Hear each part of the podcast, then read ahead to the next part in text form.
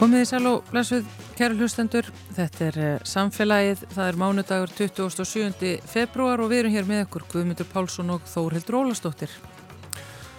Við ætlum að forvittnast um sprótafyrirtækið So Green sem framleiðir og selur kólefniseiningar sem miða því að stýðja við mentun stúlna í þróunarlöndum.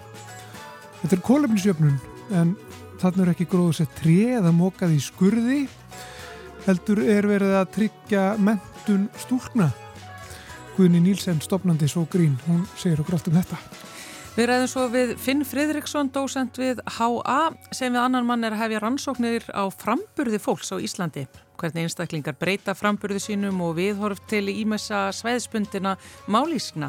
Það er ímislega sem að bendi til þess að rattaði framburðurinn, mjólk, fólk sé að hverfa. Sá vestfyrski er nánast alvehorfin en skaftfælski innhljóðaframburðurinn, bói, logi, hann er að styrka sig. Þetta er sem sagt mjög aðteklisvert. Ég er vist með sunnlenskan framburð sem er vist sá sem meiri hluti þjóðarinnar hefur. Frekar leðilegt allt saman en þið skulle ekki missa af þessu stórfróðlega spjallu okkar finns hér og eftir.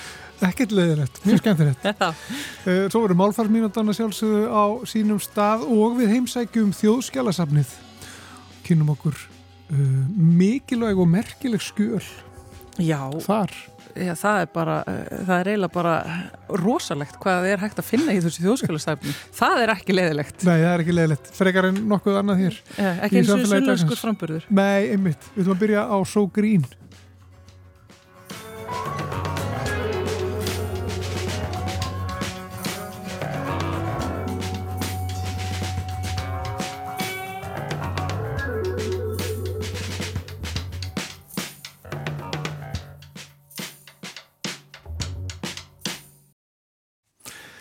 Sestinni hjá okkur Guðni Nílsen.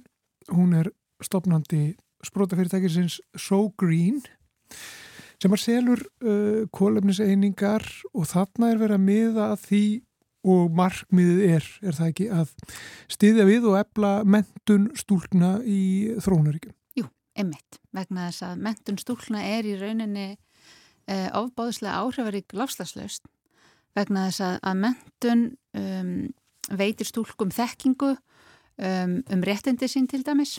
Það er, það er vita til dæmis í gegnum mentun að það, er, það má ekki gifta þær fyrir þær átnar 18 ára og svo framvegist þær verða valdeldar, það er valdefli sjálf að segja í gegnum mentun og stúlkur sem eru í sagt, grunn- og gagfræðaskóla eru mun líkleri til þess að verða ekki giftar sem börn, mun líkleri til þess að eigna sjálfar ekki börn sem börn, þannig að þetta senkar í rauninni barnegn stúlkna og setur þau, hjálpar þeim sjálfum að vera í bílstúrasætinu með eigin frjósemi. Og í rauninni allstæðir í heiminum eins og við þekkjum bara á Vesturlöndum og hvar sem, sem hérna mentunastík hefur aukist þá hefur bara að sjálfu sér bara dreyið úr hraða fólksfölgunar vegna þess að konur eignast börnin setna en við eignast líka heilbeðari börn þegar við eignast þau setna með að draga úr uh, táningaþungun þá drögum við einnig úr mæðradauða og barnadauða þetta er bara svo ofbáslega margir kostir og þessi að hæja fólksfölgun er í rauninu bara svona auka benefit, co-benefit, þetta er bara svona auka afurð í rauninni sem að við sem sagt eh, hjá Sógrín ætlum að nýta og selja á kólupinsmarkaði til þess að fá lofslagsfjármagn til þess að auka mentunusti hvenna í látökjuríkjum heims. Já.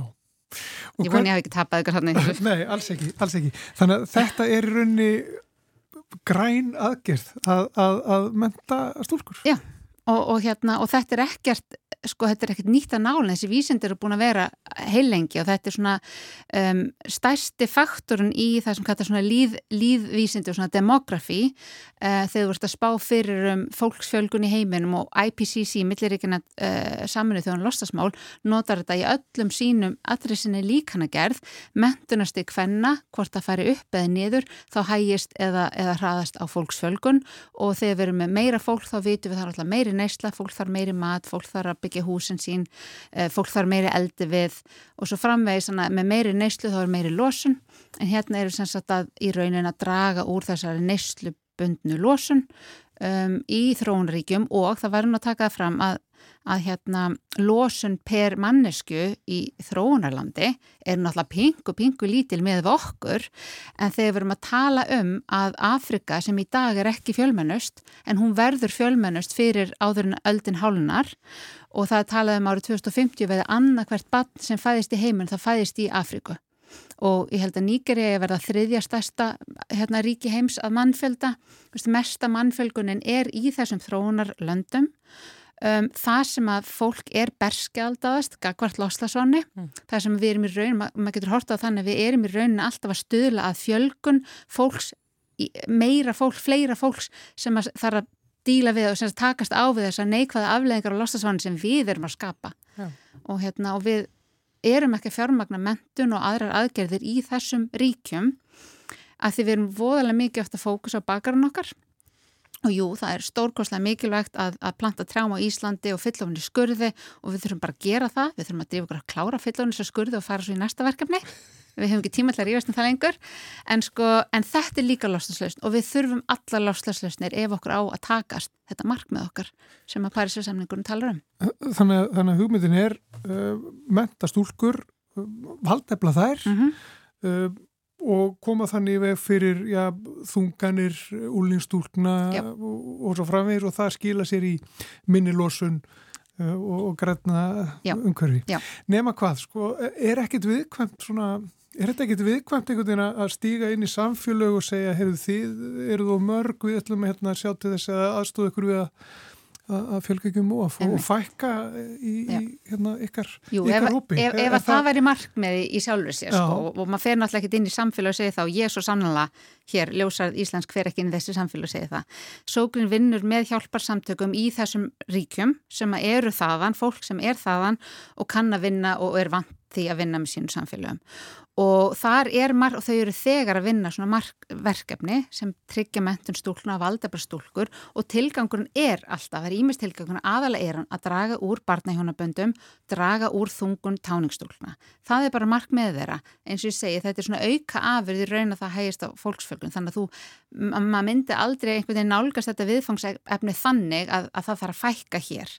Uh, en svo langar mér líka að segja að það er að því ég hef nú unnið í þróunarsaminu bransanum í tölvert langa tíma og það að tala um fólksfjölgun um, í, á svæðum sem eru bersköldu gagvart láslasváni og mikil fátækt ríkir að það er ekkert eins svona eh, viðkvæmt eh, umfjöldanarefni og okkur finnst það að vera hér því að þar fjallar það um bara um, hérna erum við með eh, nokkra miljónir við höfum bara vassbrunna sem duga fyrir 500.000 þannig að þú ert alltaf að nálgast svona hérna eh, vandamál sem, sem tengjast fólksfjöldanum út frá hvað eru hérna, ég sletti svo mikið í þessum bransa, bara hvað eru resursarnir, hvað eru auðlindirnar sem við erum með og það kostar alltaf að, að það kostar að byggja nýja vassbrunni, það kostar að hérna setja upp orkuverð til þess að, að fólki fái ramagn og þurfu ekki að högva allan skóin í kringum sig til þess að geta eldað matinn sinn og svoði vatni því að vatnið náttúrulega getur verið óholt og ekki til neslu.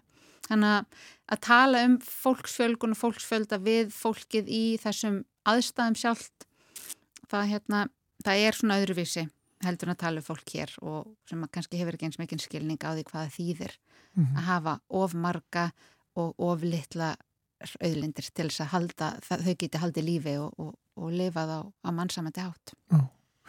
Hvert eru þið komin eh, í þessu verkefni? Hva, hvað er þetta svona langt komið og, og eru verkefni í gangi nú þegar? Eða? Já, við vorum sem sagt að fara að stað núna bara í janúar með fyrsta verkefni okkar, svo kallaðan Pilot uh, og við uh, höfum fjármagnað hann allan með því að selja fyrirfram óvirkar kolumseiningar til íslenskra aðila, einhverja 30 pluss fyrirtækja og sjóða og stopnana um, sem að hérna eru sem sagt að fjármagna framkvæm þessar verkefna og munu svo eiga kolmiseiningarnar e, þegar e, lofslagslausnin mentur stúlna í þessu verkefni hefur semst raungerst og þessi, þessi ávinningur hefur raungerst og við höfum fengið vottun á verkefnun okkar. Og það er núna stóra verkefni næstu næsta árið er að klára alla þá vinnu, alla þá svona skriffinsku sem fælst í því að, að sækjum vottun.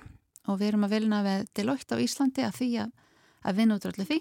Þannig að það er bara Jújú, jú, svona svona skemmtilegt en þetta er svona þurr texti og ég hef gert ímillega skemmtilegra en þetta er nöðsynlegt Já, en er það þá þannig að þetta er eitthvað sem að sko fyrirtæki sem að vilja svona já, fara í syndaflust ef, ef þau hafa farið yfirum í, í kólumnismálunum mhm. öllum, að þau geta þó bara keft og svona jafnað sig út með þessu. Ég... Þannig að þetta er, veist, þetta er ekki eitthvað svona sem að einstaklingar fara inn í veist, eins og þannig hjálpar samtök. Sko, ég, við ætlum að byrja á því að, að einbita okkur að fyrirtækjum. Já.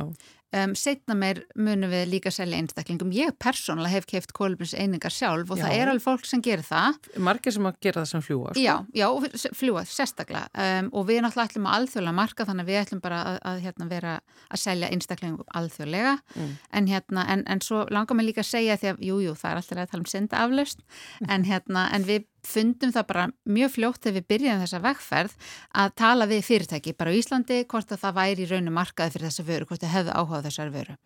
Og það var, ég ætla að segja nánast í undan tekninga til, bara aðilatni sem voru ekki spendir, voru aðilatni sem voru ekki búin að setja sér sjálfbarni stefnu, sem voru ekki byrjaðar að sjá hvernig þetta draga úr um, sem hafði ekki áhuga. Fó, aðila sem hafa áhuga að kaupa svo kolumseiningar eru flestir búin að mynda sér stefnu, eru byrjað að draga úr og kortleggja. Þannig að þú veist, mm. ég hef enn ekki hitt fyrirtæki sem ætla bara, ég ætla bara að kaupa kolumseiningar og ekki gera neitt meira. Ég held að þetta sé svona svolítið mýta sem að hérna, og, og það er gott að við höfum áhugir að því að það þarf að vera þrýstingur á að draga fyrst og fremst úr mm.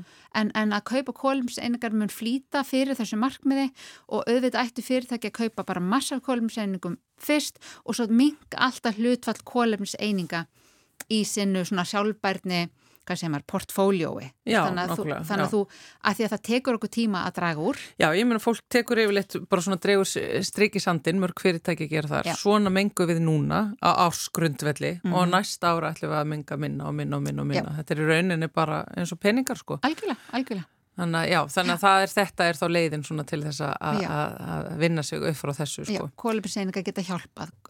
Kólefniseiningar er ekki lausnin og það er, við erum aldrei nei, nei, að fara að ekki, klára já. þetta þannig en þetta verður alltaf alltaf að spila saman. Já. Sko, eh, sko varðandi það að setja eitthvað, eitthvað svona saman, tengja saman í rauninu sko eh, þróunnar eh, og mannúðar stefnu við mm -hmm. hérna, umhverfismálinn, mm -hmm. er Er þessi formúla kerð víða um heim í fyrirtækjum, söpulöðum og, og, og hjá ykkur? Að, tengja saman lofslagsmálinn og svona þróunarsamlinni. Uh, því miður ekki, sko ég hugsa að við náttúrulega erum með þessi hérna, heimsmarkmið um sjálfbæra þróun Já. og það fælst í orðinu, þetta er heimsmarkmið um sjálfbæra þróun Um, en eins og við þekkjum nú bara við hugsaum með fyrirtæki í Íslandi, þau eru jújú að, að svona kortleika hvernig þau eru að vinna mark með 1, 2, 3, 4, 5 og þau sjáu þau eru alltaf að hugsa þetta innan við í starfseminni sem auðvitað þarf að vera en það er allt og lítið hluti að fara frá engageiranum í þessi heimsmarkmið í þróunaríkjum. Þannig að þetta er svona ein leið og ég, ég hef nú unni við þróunarsamfunnu til fjöld ára og það er eitt að fara inn í fyrirtæki og reyna að sapna fjö fyrir góðgeramál mm -hmm. versus það að fara svo búin að reikna lofslags ávinningina fyrirtækin og, og framlega kólminseiningar og fara þá að reyna fjármagna verkefnið svart og hvitt. Þannig að það segir sig að fyrirtæki eru ekki bara af, af góðmennsku sem tilbúna að loka þessu mentunargati sem er, þá væru við fyrir löngu búin að menta allir stelpur heim. Það er eh, fjárhagslegur ávinningur og síðan er þetta náttúrulega ímyndana, í, í, líka bara fyrir ímyndina út af því. Já, já, já. já og fleiri og fleiri fyrirtæki svona, eru Svona er aðtunulífið Svona er þetta og því miður, ég get ekki sagt ég hef verið afskaplega spennt í byrjun fyrir að nýta hérna, kapitalíska kerfið til þess að, að menta stelpur í Afriku Æ. en ég horfið bara vandamáli, það eru 130 miljónir stúlna í dag sem gangi ekki skóla 130 miljónir og, bara, og, og við, okkur tekst ekki að loka þessu gati, það eru aðra grúi af hjálparsamtökum sem eru sérfræðingar í að tryggja stúlku mentun mm. og þau eru alltaf að kljást í sama vandamálið skortur af fjármagni. Einmitt. E, e, aðeins bara einmitt varðandi það, vandar þá ekki líka og eru því einhverju viðræðan við stjórnvöld um einmitt að gefa e, atvinnulífinu þetta ekstra pot til þess að þau kólutnis hlutleysi sig mm. að þau séu rauninu skildu til þess að gera það ef þau eru að yfirkeira mengunumagni sitt. Einmitt. Nei, við persónlega, við sógrín erum ekki en það er náttúrulega alls konar umræði gangi bara í, í íslensku hérna, ég veit ekki, hva, í þessum græna geira og svona þrýstjópa sem eru kannski þrýst á stjórnvald en við erum náttúrulega eins og heppin að við erum þar alls konar Evróputilskipanir mm. sem eru til dæmis að koma og taka, tóka gildi núna í, í janúar og taka gildi á næstum árum sem er að setja strángari og strángari kröfur á fyrirtæki um upplýsingagjöf í sjálfbarni málum og þú veist það að við vitum það um leið og við erum einhvern veginn neitt til þess að, að gefa upp og reikna kólumspori, þá erum við búin að vinna svo, þá erum við komið svo miklu nærði að fara að gera eitthvað í því. Já, og þá Þannig, geta fyrirtækir sem að veist, hafa ákveð að gera ekki neitt meðan þau þurfa þess ekki, að, þá geta þau ekki fallið sér lengur. Nei, og þá fáðu vonandi bara sjokkið sitt sjálf já, og bara, herri, ég, við verðum að gera eitthvað í þessu. Vonandi. vonandi.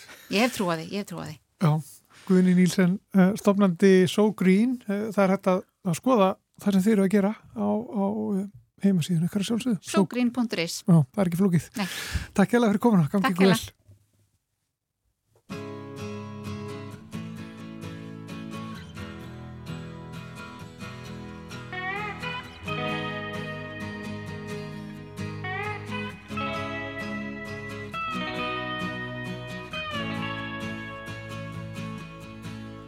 I tried to make it Sunday But I got so damn depressed that I set my sights on Monday and I got myself undressed. I ain't ready for the altar, but I do agree there's times when a woman sure can be a friend of mine.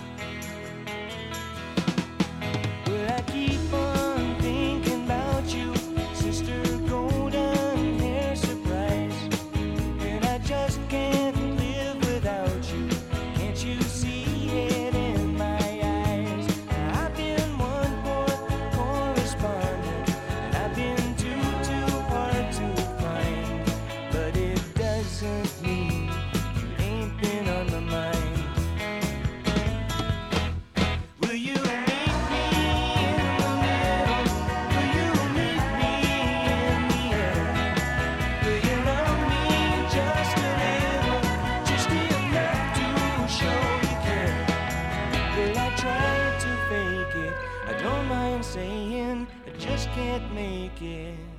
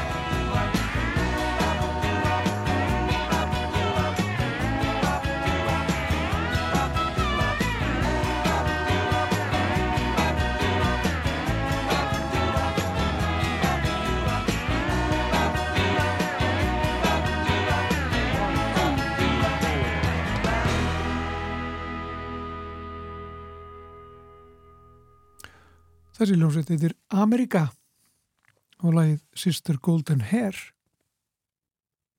Hjá mér er sestur Finnur Fridriksson sem er dósent við kennaradeild Háskólans á Akureyri en Finnur fjökk nýverið styrk, já, frekar góðan til að rannsaka svæðispundin framburð, viðhorf og, og málbreytingar. Sælvertu Finnur? Sæl.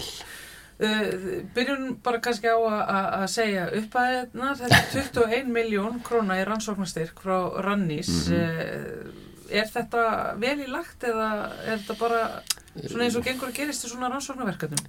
Já, kannski besti byrju því að taka fram að ég var nú ekki einn í þessu.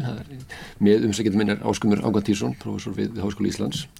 E, ég þekkir svo ekki alveg hvað, hvað gengur að gerast í þessu en, en þetta er sko einfallega það sem við sóttum um sem var svo sem í samræmi við þá svona staðla sem setti voru í umsóknarferlinu en, en við að, eins og ég skilja allan að fengu nokkuð um það sem við báðum um Já. og munum þá fá samsvarandi upphæð eh, næstu tvö ár þar á eftir en það verðum það byrjum hvað 65 miljónir maður rétt allt í allt til þess að þryggja ára. Að því gefna við stöndum skilu okkar og skilum svona hvað þetta er að áfanga skíslu eða hvað þetta heitir og, og, og þess að þar en þá, já, þá ætti þetta að vera þetta og ég, ég veit ekki alveg hvort þetta ekki veillagt eða ekki en við erum allan allsælir Nóum peninga þá að efninu sem að er að rannsaka svæðisbundin framburð mm. Uh, og, og, og þetta er ekki framburður uh, eins og skriðuföll úr, úr, úr fjöllunum hér niðurra heldur frekar það hvernig við tölum núna verður að útskýra hvað er eiginlega markmiðið? Já, markmið er þá að reyna að, að kortleggja stöðuna á eh, þessum svæðisbunna frambörði sem til er á, á Íslandi. Ekki náttúrulega fyrir að flestir þekki hugtökun eins og norlenska og skattfelska og vestfyrska og allt þetta. E, og við að reyna áttugráði á grunni þryggja fyrri rannsókn af, af svona 7.2 sem gerðar hafa verið með, með þessu tím, hérna millibili. Fyrst er að byrja Guðfursson, hann er milli 1940 og 50 sem var því fyllt eftir um miða nýjunda áratugin með annari rannsónarsipun toga og síðan enn einn eh, um upp úr 2010 og við ætlum svona einhver leita nýtóku gögnin úr uh, þessum fyrri rannsóknum og bæta við þá nýju efni. Notast að einhver leiti við að nota, sagt, að leita upp einhver leiti sama fólki og tók þátti þessum rannsóknum hér, hér áður til að reyna átt og gráði sagt, hvernig framburður, þessi svæðisbyrni framburð einhverjum og sérlegi, hvernig hann þróast yfir líftíð, lífstíð fólks. Já. og reyna þá um leið svona að, að tengja það eins við hvernig hugsanlega breytingar eða ekki breytingar ef við það er farið, ef, ef framburðskildunum haldast algjörlega stöður gegnum, gegnum æfi skeiði allt. Hvernig það svona tengist það eins og svona ytri þáttun sem við þorfi fólks og, og jafnvel búferðlaflutningum og, og fleira í, í þeimdur stórmerkilegt og skemmtilegt og eitthvað sem Íslandikar hafa mikinn áhuga á. Við erum mjög áhugasum um sko, þessa svæðispundnu frambyrði og, og, hérna, og erum svona mikið að hlusta eftir þeim jáfnvel. Já, já, mér er alltaf fundið svona ákveðin mótsögn í því sko að það verður svona oftar en ekki, sko, ef maður skoðar óskaplega svona íhjöldsöm, hvað var þar Íslands tungumál það, það má helst engu breyta og allir eiga helst að til hérna að tala og, og, og skrifa einn svona sangkvæmt svona ríkistælinum, eins og maður segja já, já. sem að svo aftur er beigður sko bara á Íslandingarsugunum og þá helst ekki að fá breytast bara frá því 1700 surkólinn sem maður segir eh, en við leið eða hvað að segja, þau frávik svona frá þessum staðli sem leifið eru, eru þau með þessar sem stundur kalla mállískur sem kannski er nú stramt ekki, ekki, ekki endilega mállískur í svona hefðbundum skilningi eh, þess orðs.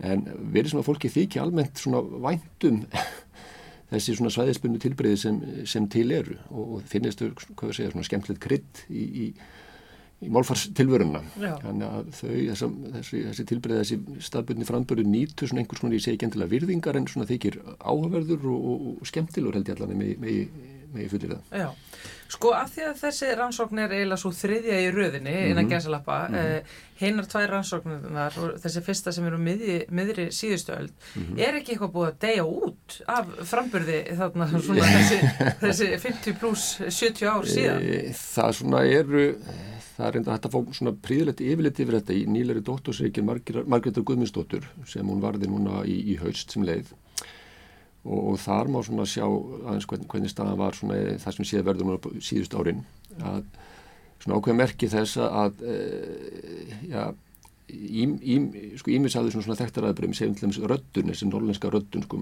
mjólkinn og stampfur og, og þetta allt saman mm -hmm. að það sé náðast engin enduníun í, í gangi þar. Það er að segja að það eru ekki að koma upp nýjar kynnslóður sem að halda röddunni gangandi mm. þó að þeir sem eru uh, eldri kynnslóður sem hafa alist upp rættar verið að halda svona nokkuð þétt í þetta. Hins að verðist uh, annan nólenskt afbrið þar að segja harmælið alls og þetta gamla og klæðiska fara á bautana að geta með pín, pínum íktum að það verðist halda sér þokkalega og, og einhver merk eru líkum að, að svona þessi svo kallega skattfelska að hún, þessi einhver svona endur nýjum í gangi þar. Þú voru að taka skattfælst eh, hérna framböru þeim eins og einhjóða framböru sko bógi og logi og, og, og þess aftar þannig að, að það veri svona einhver leiti og auðvitað þá hvalur og hvar og hvenar og svo framvegis e, það verður svona einhver leiti, einhver leiti lifa.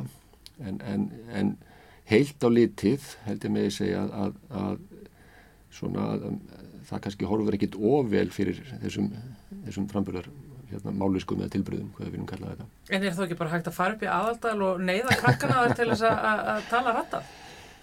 Já, það er náttúrulega ekki svo gott að, að, að skipa fólki svona ofan frá hvernig það var að tala og hvernig ekki. Við höfum að vísja alltaf dæmi um það þegar, þegar, þegar flámælinu var alltaf því skipilega útrymt hér, einmitt í, í kjölfar eh, aðtúana og, og, og svona ja, sterkar skona björnskuðu svona einmitt á, á þessu öllu saman. Þannig að visslur eru, eru til dæmi um það. Ég held að það gengi ekki upp í nútvöngverju að, að beilinni skipa fólki hvernig það var að tala og hvernig ekki. Þannig að þetta er eitthvað sem verður að koma svona einhverleiti þá, svo maður segja með, með móðumjólkinni og einhverleiti þá eitthvað sem að þá svona smitast á okkur af, af því umhverju sem erum í hverju sinni. En áhverju geta sumir frambyrði viðhaldi sér eins og, og, og harmælgið hér mm uh, norðan heiða? Áhverju eru einhverjir krakkaskrættar hér á brekkunni að tala þetta mm en ekki rattaði frambyrðurinn inn í Baródal og Aðaldal og, og þarna austur eftir? Já, til að mynda eru ákveðin merki þess að, að e, harmælið njóti svona, svona, svona, einhvers svona meiri virðingar, því ekki svona betra því ekki kannski e, svona hvað að segja nær hinnum svona upprunlega íslenska frambörð, þetta er nær svona einhver svona stafsynningunni, við veitum hvort að það skiptir máli, það er að segja að með því að bera fram skýrt TPK þar sem það á við að þá séu við svona að fylgja stafsynningu betur einhvern veginn, frekarna að fara út einhver svona BG, svona mikrilhjóður, svo maður segja. Okay. Á meðan áttur höfum aðra vísmynningur um það að, að, að þó að, að sko norrlenska í hildsinni hafi á sig svona jákvæðan stimpil hann ná ekki að sama magni eða eins, eins miklu umfangi til sagt, röddunarinnar. Þannig sem fólk einhverjum að sérlega horfa til, til harmælisins þegar það talar um norrlensku sem, sem falleg en röddunni þykja ekki endilega eins, eins falleg. Þannig að það eru alls konar svona hlutir og ég held ég vonlust að gefa upp sko segja, einhverja eina reglu um það hvað, hvað er fallegt og hvað ekki, hvað þykir gott og hvað ekki. Þetta nánast þarf að skoða sko hver svona tilbyrði fyrir nánast og í, í því umhverju sem það er í e, út frá staðsynningu, út frá bara, segja, svona samfélagsgerðin og hvernig stað og, og hvaða við þorfum svona sprett upp. Eh, sko ég er ennþá bara með á heilanum að rataði framstöðurinn geti horfið, aftur bara venja mm. krakkarinn eða bara á honum. Þú veist að þið hljóta að tala svona til að byrja með, ef þetta er, eh, veist, ef þetta er lenskan á þeirra heimili, mm -hmm. en svo bara þau fara í, í framhaldsskólanin og Húsavík eða bara Guð forðiðin frá því að fara lengra skilur að þá bara hætta þess leggja þetta af Já, það er svo sem þekkt mála að, að kannski einhverjum er sérlega börn og unglingar að, að þau aðlagast lagar sig gærna svona að jafningin sínum og þegar jafninga þeirra nú í dag eru jafn mikið sko kannski ef þau fara sem í framhólskóla út úr sínu heima umhverfi e, þau fáu þetta stöðugt áreiti frá einhvers svona jafningum ránast hvað sem er á landinu og jafnvel þá einhverstaður í útlandum ef við það er farið. Þannig að samsömunin er kannski ekki lengur sama mælu áður var bara við heimabíðina og, og, og þá eldri kynsluðuna þar sem að voru þá rattaðar eða, eða hvað þannig var. Heldur horfaðu frekar, frekar úthofið og, og vilja samt frekar samsama sig þá segja, íslenska svona ríkis framburinu eða hvað við viljum kalla hann og það er til fjölmjög svona dæmum með þetta við annar staðar til, ég veit til dæmis um sænska rannsóna endar var það svona meira svona kynjavingil að það eru það sínt í, í, í svona norður héruðum Svíþjóðar það sem er víða svona sterk málusku enginni að e, þar horfa unglingstrengir þeir horfa hvað við segja inn á við í þeim skilningi að þeir sjá framtíðina fyrir sér á sínu heimasvæði e, sækja sér ekki endilega mentun út fyrir heimabíðina og ekki, sækja sér ekki til störfum þar heldur vilja vera þarna. Og samansama sér fyrir vikið sem sínum heima reym eða heima framburði meðan unglingstelpur eru meira svona glóbal eða maður getur notað það ár eh, vilja sækja sem mentun út fyrir heimabiðina í Stokkólm eða Gautaborg sem stærri, stærri borgum og, og þetta gætna inn í það að ef það vilja falla inn í umhverju þar þá þurfur það að temja sér einhvers konar svona ríkisensku fyrir einhvern heimamáliskun og kannski eru bara að sjá eh, ánga því sama hér Þetta er algjörlega magnat mm -hmm. og ymmit, ymmit ástæðin fyrir því að það þarf að rannsaka þetta betur Já, hvernig á því stendur og húsvikingar er hægt að ratta og hálfverðingar eru ennþá með skattvelska frambyrðir. Já og það er svona hlutið sem okkur langar svolítið að skoða að, að ekki bara áttagráðu hver staðan er og reykjait einhvers konar svona sögulegu samingi við þessi fyrirrannsóknir mm -hmm. en líka reyna áttagráðu hvað, hvað veldur þessu. Já. Þú komst aðeins inn á það og þetta er, þetta er það sem að hérna er líka svo aðteklist við þetta er að, að þetta með að sumir frambyrður eru fítnina aðrir mm. og, og, og að fólk skiptir út framburði, mm -hmm. jáfnveil þeim sem að þau hafa fæðist með mm -hmm. til þess að svona falla betur inn í og koma -hmm. sér betur fyrir og svo náttúrulega getur þetta líka í einhverju tilfellu virkað öfugt eins og hefur nú kannski þekkt með stjórnmálumenn úr fortíðinni sem að tóku upp svæðisbundna framburði til þess að ganga svona betur og, og og já, ekki á sér aðtekli er þetta þekkt svona, hvað ég að segja, máltækni málnótkun bara út um allan heim hvað þá mennur þau? Já, að skipta út framburði til þess að koma sér betur fyrir Já, já, ofta Félagslega, eða? Já, já, já, já, það er, er, er al, alþekkt og margar stúdjó til að því að, að, að hérna til þess svona hvort sem er að falla betur einhvern ákveð umhverju, tryggja sér starfsframa eða, eða bara svona hvað sé að komast áfram í lífinu, þá getur fólk í þeimist að upplifa það þannig að, að það sé beinlins þinga til þess að taka upp eitthvað annan þann frambur sem beinlins elst upp í. Meina, þetta er ekki visslega fyrir að skoða mikið hér á Íslandi en, en við erum fjölmjör dæmi, ég segjum til dæmis frá Breitlandsseimi sem er mjög ríkar á alls konar mállískum, en það eru þetta algjörlega skýrt hvað er mállískan með, með, með stóru emmi, það er náttúrulega Oxford hérna, eða drottningarenskan eða hvað nafnum sem viljum, viljum kalla hana. Og það er ég held að sé ekki meir en hvað er svona 35-40 ár síðan að þá til dæmis var ekki hægt að fá starf sem fréttamaður þulur eða veðfréttamaður á BBC öðruvinn svona tala Oxford ensku Já. og önnu dæmi þekktar rannsón til dæmis frá, frá Belfast, Norður Írlandi e, sem að sína það að, að það sem er mjög svona rógróin svona, svona verkamannarstjætta máliska það var að e, karlarnir í ákveðnum svona verkamanna hverfum þar, þeir svona livðu og hræðust í sínu nærumkörfi unnið þarna flestir einhver skipasmiðastöðu fóru svo pöppun eftir með, með vinnum sínum, frendum, bræðurum, feðurum og liður hægst algjör í sinni málskuðu enga ástæðilega að leita þetta út fyrir hana. Meðan konurnar eh, unnu gjarnan meira svona í einhvern þjónustörum inn í miðborginni og inn á, á hótelum, í veslunum það sem var þá ofta ekki gerða ákveðin krafa um að nota ekki þeirra eigin grunnmálusku sem að segja, það er urðu að laga sig að þessu nýja málumkvöri og suma hverja fyrir vikið tóku það sem með sér heim, jafnvel, urðu svona samdöuna, við sem að segja því, því umhverju, þannig að það eru til alls konar svona dæmi um, um, um hvað segja, flakk á, á milli, milli málisna og svo reyndar getur settið aðeins þetta íslenska samingi að, að það getur með þess að gerast að, að fólk fari sérn aftur tilbaka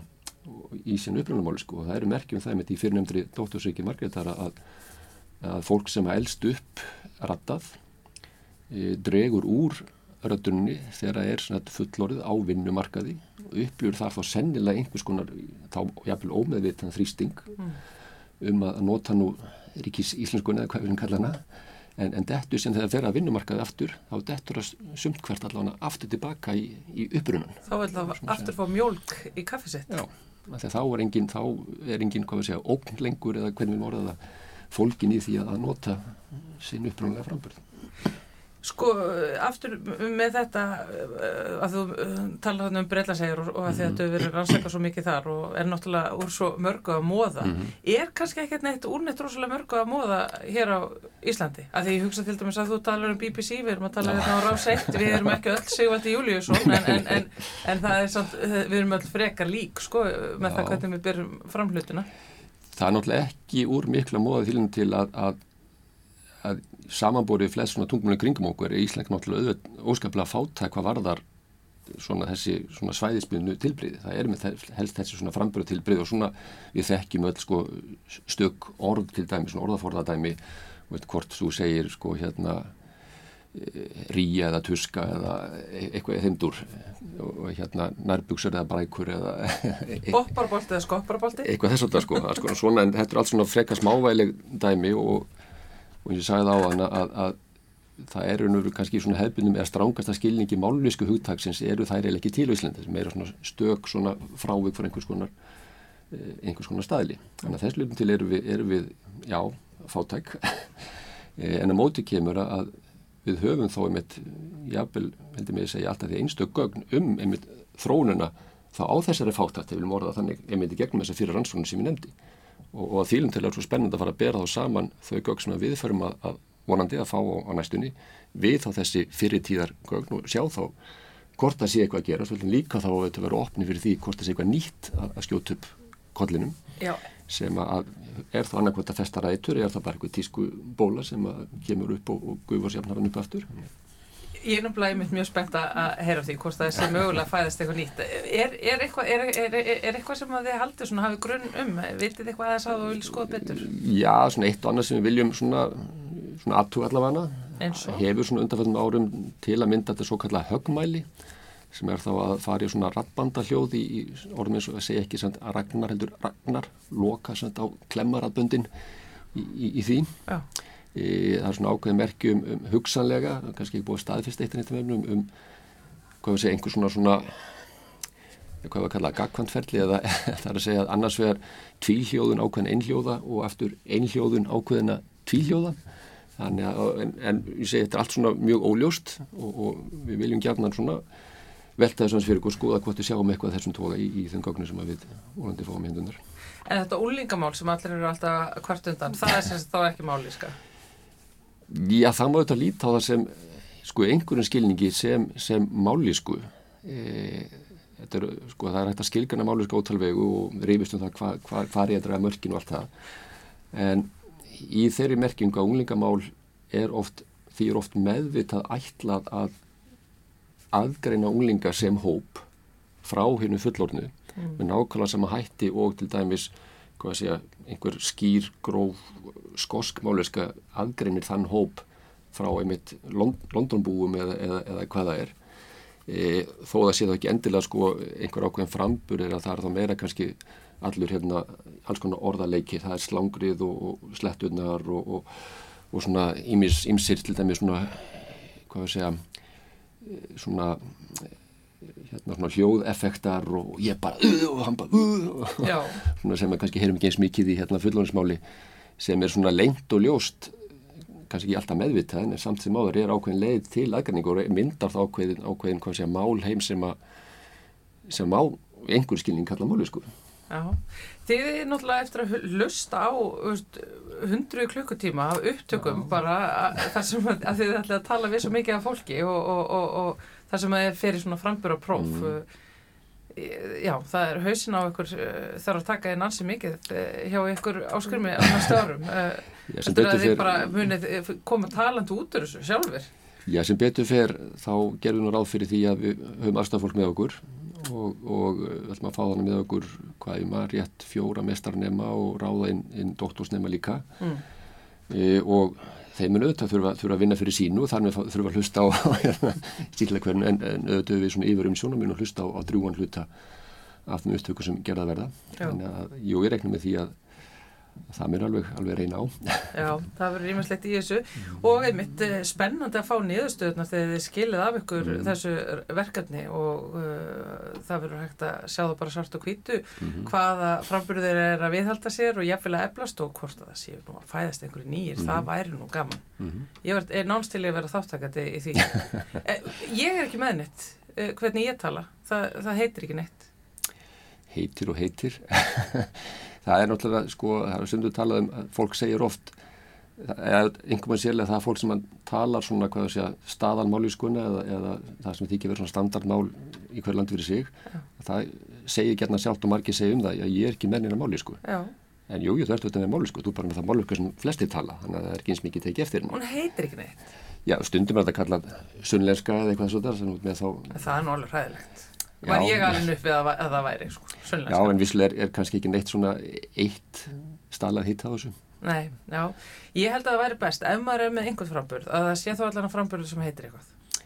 Ég er umhverfið með framburð. Já, en þú veist það ætti þá að heita eitthvað ekki bara sjölenska Já, það er vissulega maður ekki gera hérna, finna einhvern nafn á því kannski sem að flest getur samanstuðum það held ég er ekki, það er best veit allan ekki komin eitt svona eitt sem er svona almennt viðkjönd í þeim efnum ríkisframburður eða ég veit ekki hvað við ættum að kalla það en, Væri það ekki líka algjörlega fáralega? Já, þá bara Meiri hlutaframburðin? Sem er kannski álíka svona, hvað sé, líflöst orð. Já, nei, þá við viljum fá öll bröðina hérna, öll kritinni tilvöruna Finnum Friðriksson, dósent við kennaradelta háskólarans á Akureyri. Takk hella fyrir að koma hérna til okkar í samfélagið og við hlökkum til að heyra betur á þessu verkefni þegar það fer að fæðast. Takk fyrir mig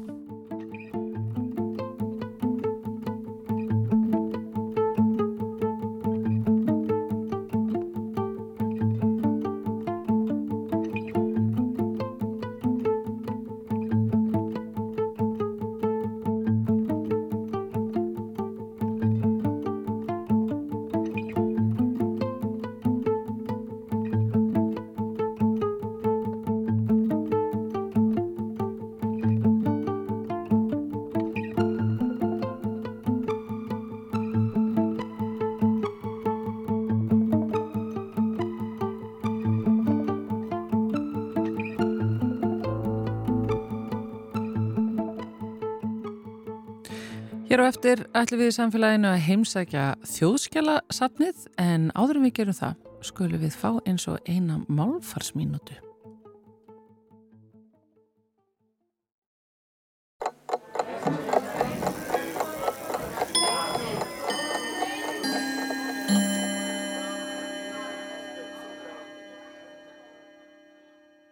Blómabeð, matjúrtabeð og kartöblubeð. Allt eru þetta samsetningar með kórukinsorðinu beð. Orðsifjabókin telur líklegt að þetta kórukinn stafi af því að orðið beð sé fengið að láni úr dönsku. Sem er svolítið fyndið. Því að fyrir var karlkinsorðið beður til í íslensku. Danska myndin beð er í rauninni orðið beður úr norrænu sem hefur týnt nefnifalsendingunni. Þannig að orðið beð er töku orður dönsku en er í raun og veru nákvæmlega sama orðið og gamla íslenska og norranna orðið beður sem lifir enn í orðum að borð við dánarbeður og sjúkrabeður. Blómabeð og matjúrtabeð koma fyrst fyrir á prenti í kringum aldamóti 1900. Orðið beður virðist hins vegar ekki hafa verið virt í lifandi máli um aldir nema í föstum orðasambundum og þá yfirleitt í þáufalli.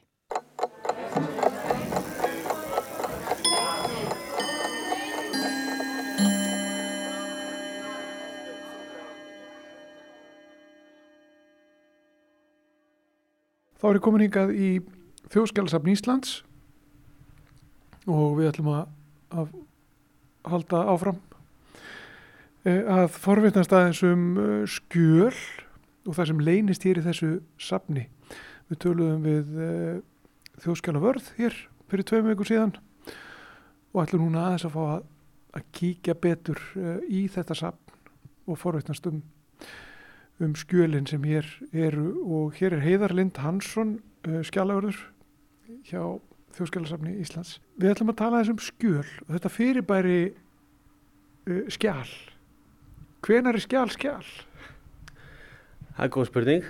Uh, svona út frá lögum þá verður skjala skjali ef, að, hérna, skjálurinn er eitthvað sem berst svo kallum afhendingaskildum aðla, það eru allar ámberaðalar og hvort það berst aðilin myndar það eða varveitir það eða þannig.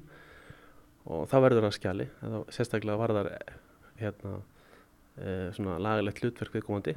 En svo getur skjali líka verið e, hlut af skjalisafni einstaklings. Og það getur verið bara eitthvað sem varveitir upplýsingar á hvaða miðlið sem er.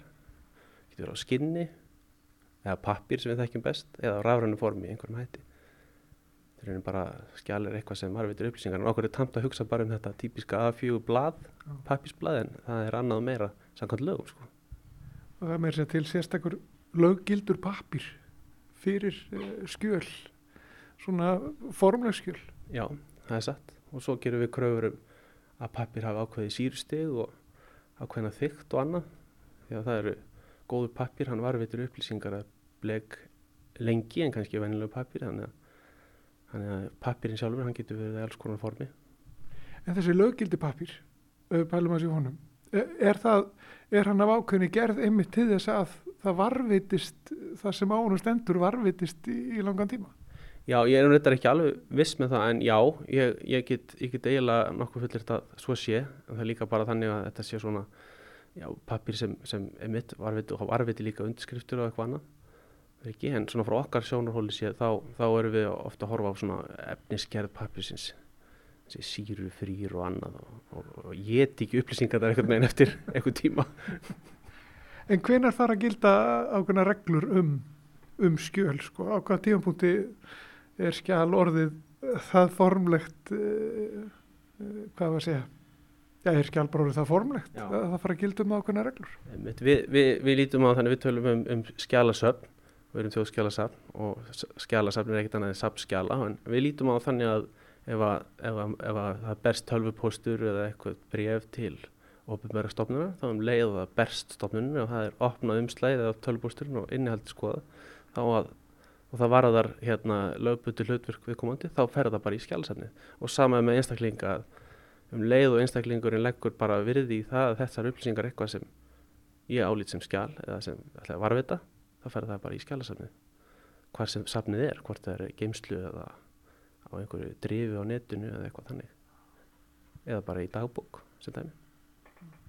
En get ég þá, ef ég er með mitt enga skjálasafn, við getum kallað þessi svo, ég er bara með uh, eitthvað nótur fyrir ímsu og, og eitthvað slíkt og eitthvað samskipti við ofnbærastofnanir eða eitt og annað sko. Getur þetta haft, haft gildi þá og, og er þá tólka sem skjál og, og úrskurða þetta er, þetta er skjál og þetta er mikilvægt? Já, við myndum ekki, ekki úrskurða per sé, þú ert einstaklingur og hefur ekki lagalega skildu til að varvita en við myndum álita þannig að, að ef að þú hefur séð ástæðu til að varvita ákveðnar upplýsingar eða í eh, skjöl með ákveðnum upplýsingar sem hafa virði fyrir þig, þá er það hlut á þínu engaskjálasefni mm. og þú mótar það bæðið á þínum verkefnum í lífinu og líka bara svona praktískum hlutum bara dagbók, fjölskyldunar eða eitthvað slíkt sko en það, það er klálega eitthvað sem þú metur og við sjáum. Ef við fægjum fáum skjöliðinn við sjáum efnisamhengið í því að þarna er klálega eitthvað skjöl sem Guðmundur hefur ákvæðið sér hlut á skjálasefninu sínu. Nota fyrir einhverju heyrnatólum 1982 Já, til dæmis, svo getur það haft er, er, er langur tími liði haft einhverja því eitthvað svona almennt fyrir þjóðarsöguna sko, getur eina skjalið um, um þessa hluti frá þessu tíma. Já, Já. Það er nefnilega málið, það, það getur ímislegt uh, sem að virkar ekki mikilvægt eða mikils virði uh, á ákveðinu tíma, það getur bara síðan reynst uh, hafa mikið gildi. Algjörlega, ég sá nú bara daginn í sjónvarpinu þá var vitist hérna, þá var einhver svona þáttur um Egiptalandinu forna, svona sagfærað þáttur og þar var, voruð með held ég steinvölu þar sem voru skráðar vinnustundir við einhverja píramítagerð og þetta er algjörlega praktíst, praktískar upplýsingar þegar þetta var til og við þekkjum þetta bara með því að stimplin í vinnustund hérna ofnbæra starfsmenn en svona eftir að hyggja að lesa um einhverja 5.000 gamla upplýsingar um vinnustundir í gerð píramíta það er, það er náttúrulega mjög áhugavert og segir um hvernig var unni við svona hluti fyrir svona langun tíma. Og getur þá eitt og annars slæðist inn uh, með skjölum uh, sem að berast hingað sem að reynist síðan vera einmitt bara mikil heimild um, um uh, tíðaranda eða samfélag eða söguna. Já, algjörlega, algjörlega. Og við höfum, við höfum ímið stæmið um það. Að svo er að hérna smæstu smáatrið sko, sem skipti ekki máli núni getur orðið að, að hérna, bara á mjög áhugaverum upplýsingum síðan mér sko, líst ákveðinu samingi ja. Og þú ætlaði að, að, að sína okkur hérna ákveðin skjöl sem að, já það má kannski segja að virki eða hafi ykkur tíma virka kannski ekkert ekkert, já hafa neitt gríðarlega þýðingu en, en eru daldi merkileg í dag.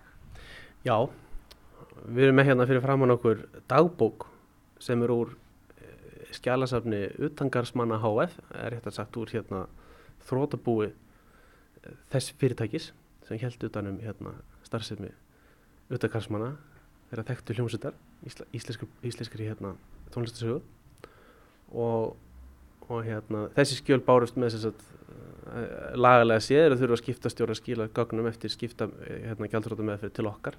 Og það var ímislegt sem slæðist með. Og þessi dagbók hún er í rauninni skráð sem eign Einars Arnar Benediktssonar sem var nú hérna í e, Sigumólunum, kannski tektastu þar. Og hann var að var að reyna að vinna sem svolítið svona uppbósmaður e, hérna auðvitaðkarsmanna og fleiri banda og, og, og þetta er þessi dag, dagbók hann sem var veitist þarna með og þar eru skráð skráði tónleikar og gig skulum við segja hjá ýmsu böndum auðvitaðkarsmanna uh, purkin og frablana, svo dæmis í tekið. Og eftir hverja fæslu er skrifað innan, innan rings finito, það er búið stimplað þetta er hérna þetta, búið, þetta gík er búið, sjálfsagt búið að gera þau upp og eitthvað slíkt. Oh. þetta er skrifað náttúrulega með, með ákveðinu stíl. Þetta er ekki brent, brentað með, með stífum kerfistöðum, heldur bara er, er einar að skrifa auðvitslega sjálfur. Og hvað segir þetta okkur? Þetta er praktíst ábúk fyrir, fyrir tónleika hald á þessu tíma. En bara með því að sjá skjalið og sjá skriftina og, og setur upp svona ákveðna stemmingu og er bara nákvæm dagsninga fyrir ákveðin gig. Og í í bókin er líka að skrifa hérna það er hérna fyrsti Purkur Pilnik spilar í fyrsta sinn er skráð 9. mars 1981 sem er mánudagur Það er ekkit annað og þetta er bara Einar Örd Benediktsson sem skrifar með bláum kúlupenna Eh, að Purkur Pilnik spili þetta í fyrsta skipti 9. mars 1980 Já og einar merkir bókina samlega í, í hérna á sörblæði, þetta er ekki, myndi ég segja og hann skrifar þessi bók er mín eign, það er að segja undirritas og svo skrifar undir Einar Rudd Benediktsson. Benedikts, tömur þessum punktur. Ég veit ekki hvort hann skrifið undir svona í dag, það var áhvert að sjá í núinu. Já, það verður gaman að sjá einmitt hvernig, og það er sko hann skrifar stort E og litli stafir í einar annars en það er stort danst Ö Eh, stórt R sem er öfugt og stórt N og svo Benedikts allt með litlu stöðum þetta er, þetta er áhört þetta er áhört, þetta er áhverjir stíl Já, það verður gaman að sjá einmitt hvort að, að undirskriftin hefur eitthvað þróast frá árunum 1981 hjá Einar Erni. E, þetta er einmitt svona kannski já, dæmi um eitthvað úr, úr, úr nýlegri sögu samt sem áður sem að sem að ja, er kannski aðeins farað að fenna yfir og það eru kynsluður í dag sem átt að segja ekki alveg á því hvað var að gerast á, á þessum tíma og þetta getur varpa ljósið á það. Það er manna algjörlega. Og, og, og líka fyrir manna því að ma maður, maður sé fyrir sig sko, maður hugsa um utangarsmenn eða einhverjar punksveitir eitthvað þá hugsa maður mikla óreiðu og, og alls konar sko lúk og hana en svo séum maður einhverja dag, boring dagbók sko að þetta þarf að panta sal og það þarf að skipulegja og selja mið og gera eitthvað sko. Og þetta er þetta svona heimild um það að menn þó að menn séu svaka hipp og kúla og menn er bara líka að reyka business sko. Þannig að, þannig að skjali lígur ekki varðandi þetta. Og hérna þannig að, þannig að þetta er þetta nóti ímsum tilgangi sko. Og svo verður þetta með því að skrifa þetta svona uh, þetta er dagbók og það er handskrift með ákveðin stíl þá verður þetta myndrænt líka. Og ef allir með að vera að miðla einhverju sögu saman þenni tíma þá myndi þetta þetta nota svona myndefni bara mynd á skjali sko þetta er með skjör hérna síður í þessari dagbók sko. Já, ef við sjá aðeins fórsíðuna eða sko, já, bókina sjálfa einmitt, þetta stendur bara dagbók 1981 og svo nokkur límið þarna á og búið að skrifa boy oh boy á, á, á uh, kápuna e, og svo ef við, ef við flettum, ég þú eru nú ekki að koma að vita hér, það er 12. februar 1981, 50 dagur, Hotelborg, Stjörnuklessan, utangarsmenn pluss fræflarnir pluss allir sem koma og svo er þarna finito með rauðum stöðum í, í, í ring og tvö upprópunamerki No More Heroes, tvö upprópunamerki þetta er 50 dagurinn 12. februar 1981 í, í dagbók Einars Artar Benediktssonar fyrir utagarsmenn HF eh, sko ég hefast ekki um að það leynast mörg merkileg skjöl hér í, í þjóðskjálarsamnu ég nú að segja fyrir mig persónulega þá verður ég að líta þetta sem bara gríðalega, gríðalega merkileg skjöl. Já, þannig er þetta nú oft hérna að, að við fáum oft spurninguna á að þarf að varveita þetta, skiptir þetta máli? Og við, þetta er rosalega erfið spurning að svara. Því við vitum að allar upplýsingar er út af fyrir sig áhugaverðar að verða það setjum tíma.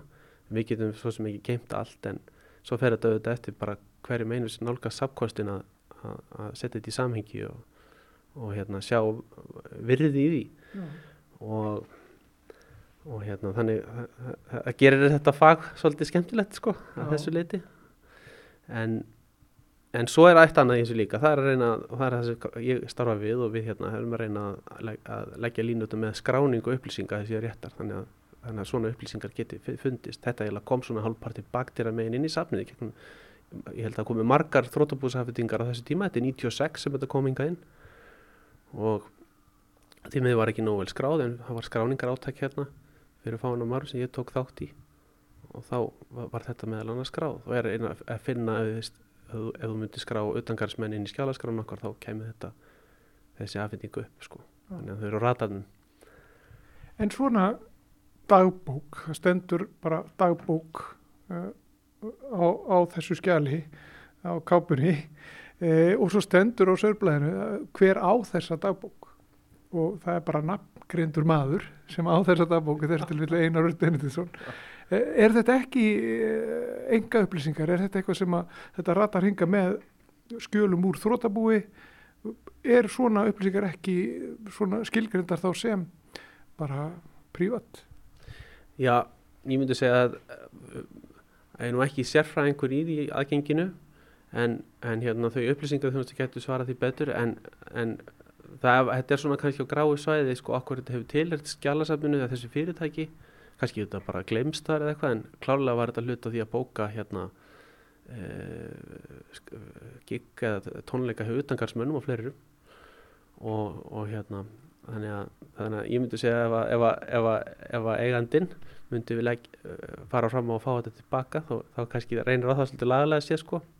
Ég þekki ekki fordæmið um það En þetta eru sannlega gögn um starfsemi þessar félags? Já, klálega og, og, og, um önnu verkefni sem þá einar hefur auðvitað verið í á sínum tíma. Mm. að, að bóka að sjá um skipila fyrir hljómsýttir mm.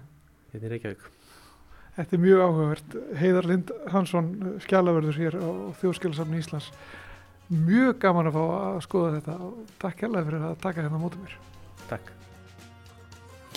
Einmitt Ansimart eh, sem að leynist fróðlegt, skemmtilegt og áhugavert í þjóðskjálasafni Íslands. Já og við ætlum að fara að skoða það e, á næstunni, eða ekki? Jú, við ætlum að fara reglulega í heimsóknir og fá kíkja á eitt og annað sem leynist þarna í þjóðskjálasafnu. Já.